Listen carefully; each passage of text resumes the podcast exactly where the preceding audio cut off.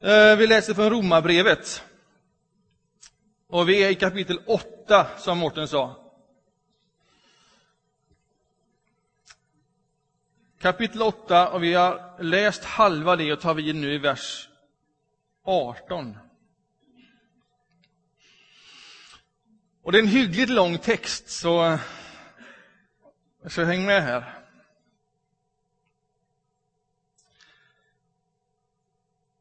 Jag menar att våra lidanden i denna tid ingenting betyder mot den härlighet som ska uppenbaras och bli vår. Till skapelsen väntar otåligt på att Guds söner ska uppenbaras. Allt skapat har lagts under tomhetens välde, inte av egen vilja utan på grund av honom som vållade det. Men med hopp om att också skapelsen ska befrias ur sitt slaveri under förgängelsen och nå den frihet som Guds barn får när de förhärligas. Vi vet att hela skapelsen ännu ropar som i födslovåndor. Till och med vi som har fått anden som en första gåva, också vi ropar i vår väntan på att Gud ska göra oss till söner och befria vår kropp. I hoppet är vi räddade. Ett hopp som man ser uppfyllt är inte något hopp. Vem hoppas på det han redan ser? Men vi hoppas på det vi inte ser. Då väntar vi uthålligt. På samma sätt är det när Anden stödjer oss i vår svaghet. Vi vet ju inte hur vår bön egentligen bör vara, men Anden vädjar för oss med rop utan ord. Och han som utforskar våra hjärtan vet vad Anden menar eftersom Anden vädjar för de heliga så som Gud vill. Vi vet att Gud på allt sätt hjälper dem som älskar honom att nå det goda. De som han har kallat efter sin plan. Ty dem han i förväg har kallat har han också bestämt till att formas efter hans sons bild, så att denne skulle vara den förstfödde bland bröder, många bröder. Dem han i förväg har utsett har han också kallat, och dem han har kallat har han också gjort rättfärdiga, och de han har gjort rättfärdiga, de har han också skänkt sin härlighet. Vad innebär nu det här? Om Gud är för oss, vem kan då vara mot oss? Han som inte skonade sin egen son, utan utlämnade honom för att hjälpa oss alla. Varför ska han inte skänka oss allt med honom? Vem kan anklaga Guds utvalda? Gud frikänner, vem kan då fälla?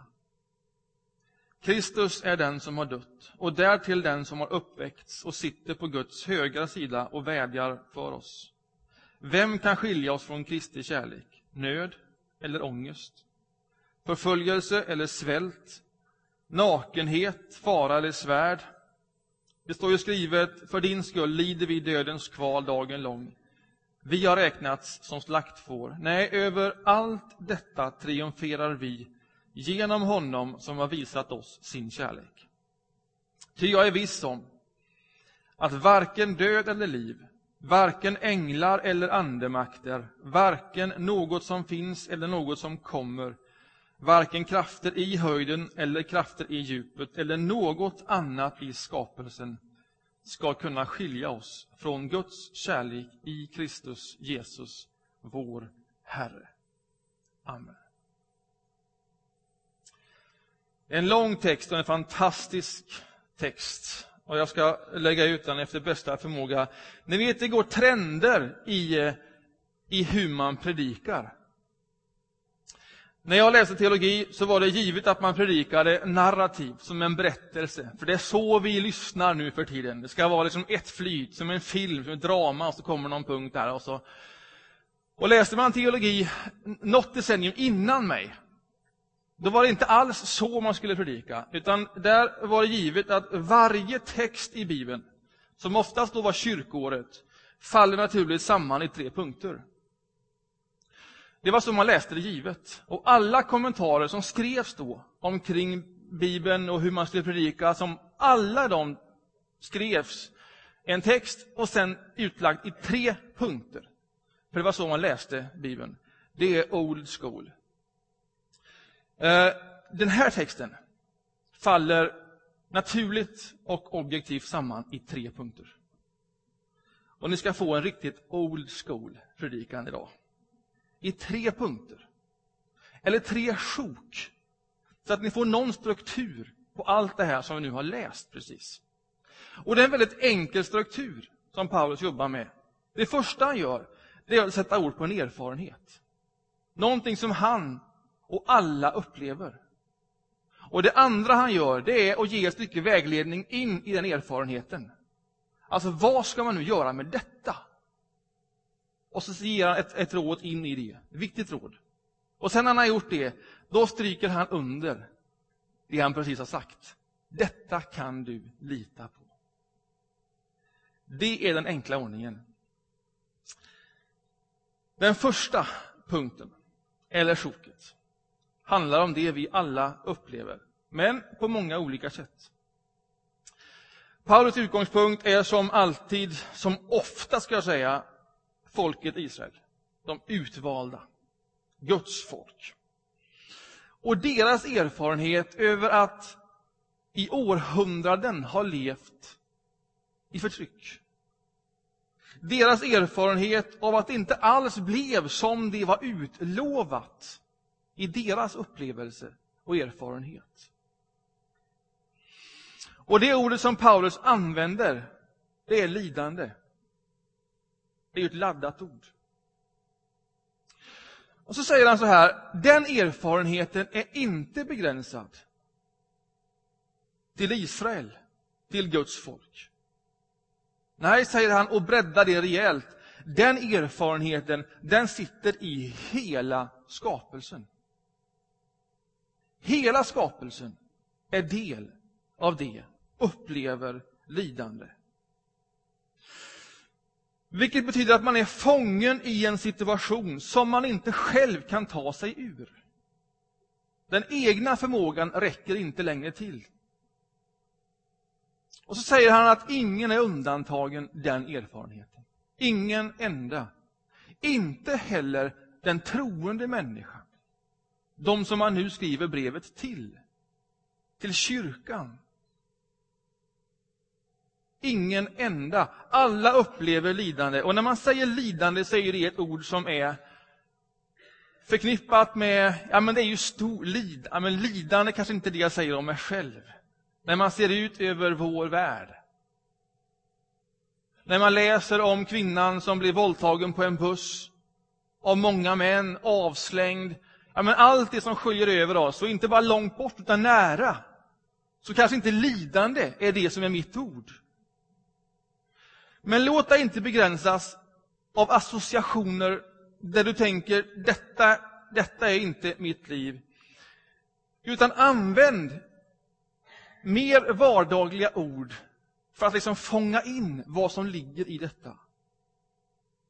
Det som finns i texten av ord, det är tomhet. Känn på den. Kan du i ditt liv uppleva tomhet? Tomhet så att det frustrerar dig. Ett annat ord som används här, det är fången. Du är fången i någonting som du inte tar dig ur. Eller du är begränsad av någonting. Och du behöver befrielse från någonting. Det är ett sorts slaveri, ett annat ord. Eller använd mer vardagliga ord som frustration. Frustration över det som är. Både hos dig, men också det du ser. Frustration, otillräcklighet, att det skaver i själen. Eller att kroppen inte orkar mer. Att du bryts ner. Att du bryts ner mentalt, sinnet. Klä dig i de ord som du behöver klä dig i. Så att du känner detta är också min erfarenhet. För det är Paulus poäng. Ingen enda människa är undantagen lidande. Ingen enda människa. Det är så här vi lever. Det här hör till våra villkor. Och om andra ger andra intryck så ska du veta att i Paulus värld, i hans erfarenhet, i hans sinne Och jag lägger till i min värld och i min erfarenhet, också personligt, så är detta någonting som är väl integrerat i livet. Vävt samman i ett liv. Allt är inte lidande. Allt är inte frustration. Naturligtvis, livet är också en gåva, en enorm möjlighet och en glädje. Men, men, men, det är riktigt dålig teologi. Och det är mänskligt lurigt att förneka också en mörkare sida av sitt liv. Därför att den finns där. Bara av det skälet. Och den som förnekar det som om det inte fanns frustrerande inslag i ett liv, den tror jag riskerar att få den erfarenheten slagen i ansiktet förr eller senare och då med kraft och överraskning. Och det är sällan tjusigt. Då kan även de minsta motgångarna få dig att ifrågasätta inte bara livet, utan Gud och tron. Det får orimliga proportioner. Eftersom Gud och tron var garanten för ett liv utan lidande. Men hur kan jag säga detta tydligt nog? Det har aldrig någonsin utlovats dig. Aldrig. Inte om man läser denna bok, så finns det något enda sånt löfte. Nej, se det. Sätt ord på det. Är det en gråsparv, så säg att det är en gråsparv. Kalla det för vad det är. Se det, notera det. Om du inte gör det, om du inte namnger din frustration, om du inte sätter ord på ditt lidande, om du inte gör det, det behöver inte vara superdramatiskt. Men om du inte ens ser det längs vägen, du förnekar dig det, så är du den stora förloraren på det. Varför är du den stora förloraren? Jo, för att när till sist lidandet tar överhanden, och det fanns ingen beredskap på det överhuvudtaget, så finns risken att du förlorar hoppet. Och hoppet är en oerhört viktig tillgång i ett kristet liv och i ett liv i stort. Ett liv utan hopp, cyniskt, bittert. Nej, det önskar vi ingen människa. Hoppet. Hoppet. Vad är vårt hopp? Om jag nu står i en gudstjänst i en kyrka, om jag talar som en kristen människa, som en predikant, utifrån den här texten, vad är vårt hopp? Det vi bara inte får liksom förlora, släppa taget omkring. Ja, vårt hopp. Vårt hopp i den här texten och i många andra texter, så som det börjar och slutar i den här boken. Vårt hopp, det är att en gång ska allting bli nytt. Allting ska förnyas. Utan undantag ska allting bli nytt. Och till sist, till sist ska Gud bli allt och i alla. Så nytt. Det är vårt hopp. Och så säger Paulus, alltså så som Jesus dog och uppstod, så ska alla dö och uppstå. Så ska allt förvandlas. Jesus uppstår, det är samma Jesus och ändå helt nytt. En ny kropp. Med andra villkor. Och han var inte den enda att uppstå. Han är den första att uppstå. Han är den som går före, som gick före och som gör det möjligt för alla människor att komma efter. Och att få uppleva att någonting dör. Det som är lidande och frustration och begränsningar det som bryts ner dör. Och så blir allting nytt. Allting förnyat. Samma Joakim, men ändå helt nytt. Helt andra förutsättningar. Det är det här som Paulus menar när han säger att Guds söner och döttrar ska uppenbaras. Till sist ska vi få se vad det betyder att vara Guds barn. Fullt ut. Eller att Guds barn ska förhärligas och skapelsen, de står på tå och väntar på att få se detta hända. Att till sist allting blir helt förnyat. Helt nytt. Detta är vårt hopp. Och hur håller man då detta hopp vid liv? Så att man genom ett liv inte blir cynisk, inte kapitulerar, inte ger upp hoppet. För det är lätt gjort. Och det är då Paulus skriver något viktigt. Nu är vi på andra punkten. Är ni med? Vad var det? Jo, det var ett råd in i denna erfarenhet. För alla som är i denna erfarenhet på något sätt. Och den går inte att jämföra med en annan människa. Min erfarenhet är min erfarenhet, mitt liv är mitt liv och ditt liv är ditt liv.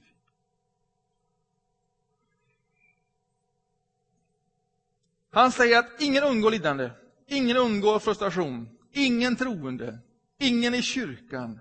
Men där, i den troende gemenskapen, i kyrkan, i det kristna livet, där finns hjälp, där finns Gud. Det är en väldigt enkel poäng, men ack så viktig. I detta liv finns Gud nära. Hur då nära? Jo, så säger Paulus så här, lyssna nu. Anden stödjer oss i vår svaghet. Alltså, vi vet inte hur vår bön egentligen bör vara. Och så kan man ju känna så många gånger inför lidande och livsfrustration och allting. Hur ska man be om detta? Men anden vädjar för oss. Med rop utan ord. Och han som utforskar våra hjärtan vet vad anden menar eftersom Gud vädjar för de heliga som Gud vill. Anden vädjar för de heliga som Gud vill. Detta är ju alldeles enastående. Ge uttryck för ditt lidande, din brist, din frustration. Dölj det inte. Förneka det inte. Dela det och, och, och. Stanna inte där, utan låt sen anden vädja för dig. Med rop, utan ord. Ta emot den gåvan. Hur då? Min ordning är så här. Avsluta dagen med att gå igenom dagen. Hur blev då det här? Och i varje dag finns det saker att vara glad över och tacka Gud för. Och frustration. Över det man har gjort och sagt och varit med om. Och be sen i stillhet. Helig Ande, nu behöver jag rop utan ord. Jag behöver inte ens förstå det. Jag tar bara emot den gåvan. Jag gör det nu. Och jag behöver igen få rotas i hoppet att denna dag är inte det sista att säga om denna dag. Denna dag sitter i ett mycket större sammanhang där allting en gång ska bli nytt. Och i det hållet vill jag leva mitt liv. Jag måste få min blick fästad igen. Jag måste få den rotad. Jag måste få känna att hoppet lever i mig. För mig själv. Och för hela den här världen. Kom, helig Ande.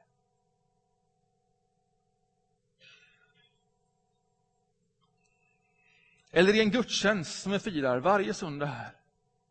Att då få böja knän, nu i det här sidokapellet, eller stå där och låta någon få be för dig. för stort och för smått. Att få ta emot den här gåvan genom någon annan. Det är alldeles enastående. Missa inte det. Ge dig själv den gåvan. Ibland är de orden som bes över ditt liv inspirerade av Gud. Ta emot det. Det är så vi ber om att få vara varandras tjänare. Ibland betyder orden inte mycket som man får höra. Bry dig inte om det. Utan att någon bara lägger händerna på dig och ber helig ande kom är nog. Om den bönen blir helt tyst, ordlös, så är det inte det sämsta. Därför att den är satt i ett sammanhang där anden redan ropar utan ord. Och det är det vi kopplar på och försöker verbalisera.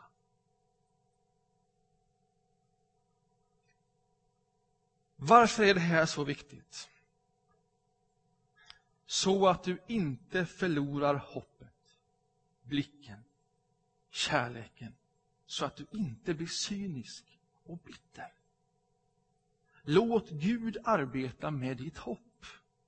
Ge anden det förtroendet. Gör det regelbundet. Gör det disciplinerat som en del av ditt kristna liv. Så är vi på den tredje punkten. Och sista punkten. Kommer ni ihåg? Först en erfarenhet. Och sen ett råd in i detta. Och sen stryker han under det här. Nu får han liksom ihop sitt resonemang. Vi lever alla i lidande, med lidanden. Men låt Gud hålla ditt hopp vid liv genom anden. Och så kommer det sista.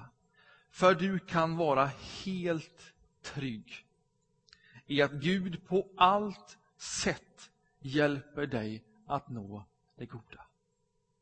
Och det goda, det goda, det är inte bara här och nu. Det goda är satt i detta stora sammanhang. Att en dag ska allting bli helt förnyat och nytt. Du kan vara säker på att så blir det.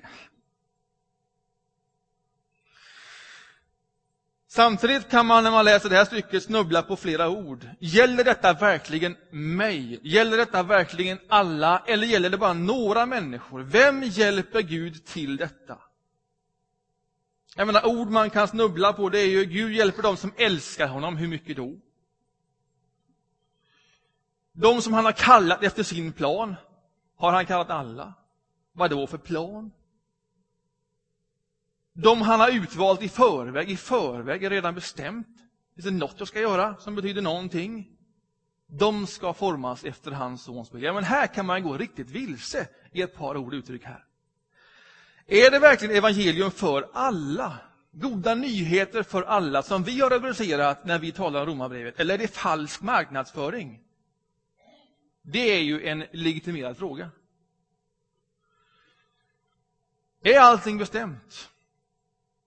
Eller spelar det någon roll vad jag faktiskt gör? Jag ska, jag ska faktiskt bara ta mig igenom, för det här är viktiga frågor. Jag gör det snabbt och så bara ger jag ett svar på de här frågorna. Och vill du fördjupa dig kan du läsa hur mycket som helst, men här får du short version. 1. Hur mycket älskar man Gud? Att älska Gud här är inte en individuell känsla. Läs det inte så, utan ett uttryck. Paulus kontext är Israels folk. Ett uttryck för att man tillhör ett folk och som folk älskar Gud och följer hans bud.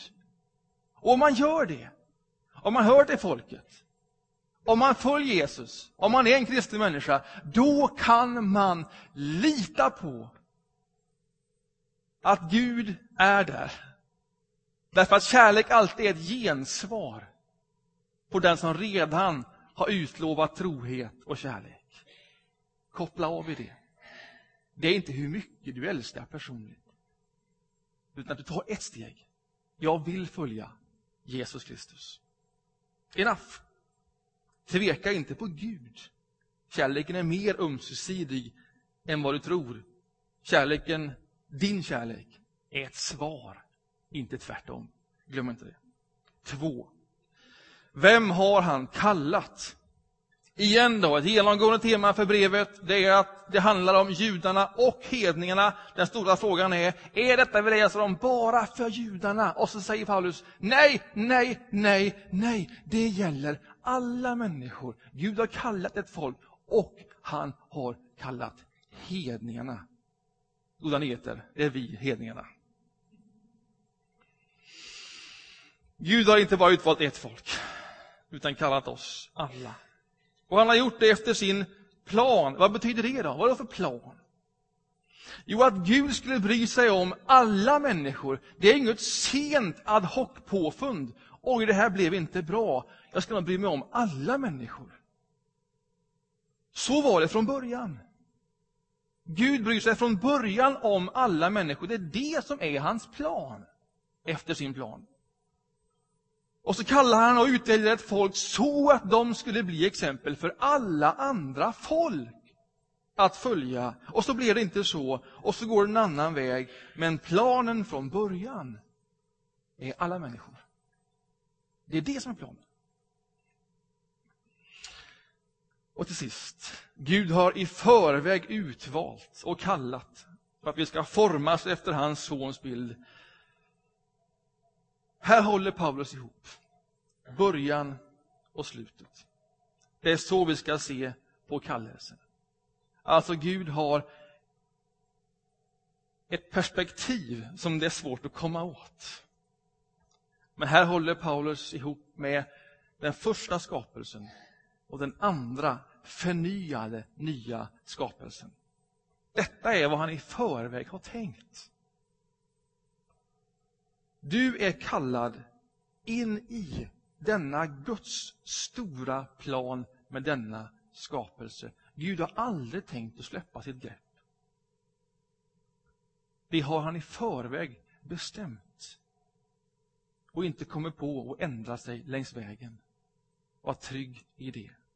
Hur kan man vara trygg i det? Jo, säger Paulus, Jesus är den som med all önskvärd tydlighet visar detta. Han visar det med sitt liv, han visar det i vad han säger och i vem som för honom var viktiga människor. Vem fanns han hos? Vem uppsökte han? Vad var det för bild han gav av Gud? Guds hjärta, Guds kärlek, Guds plan, det Gud vill. Det blir inte tydligare än så. Det är goda nyheter för alla människor, kära vänner.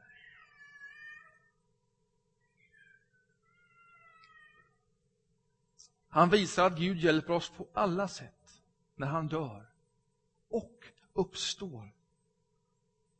Inte som den ende, utan som den första av många. Eftersom genom honom har vi triumferat över allt lidande. Det är vårt hopp, säger Paulus. Vi ser det inte uppfyllt, men det är vårt hopp. Och var säker på att ingenting kan hindra Gud från att fullfölja denna sin plan. Det han från början, i förväg, har tänkt. Vi talar om Gud. Ty jag är viss om att varken död eller liv, varken änglar eller andemakter, varken något som finns eller något som kommer, varken krafter i höjden eller krafter i djupet eller något annat i skapelsen. Jag är övertygad om att inget av detta ska kunna skilja oss ifrån Guds kärlek i Kristus Jesus. Hur ska detta bli mer än vackra ord för dig, om det nu bara är vackra ord för dig? Hur ska denna övertygelse bita på dig, om den inte gör det?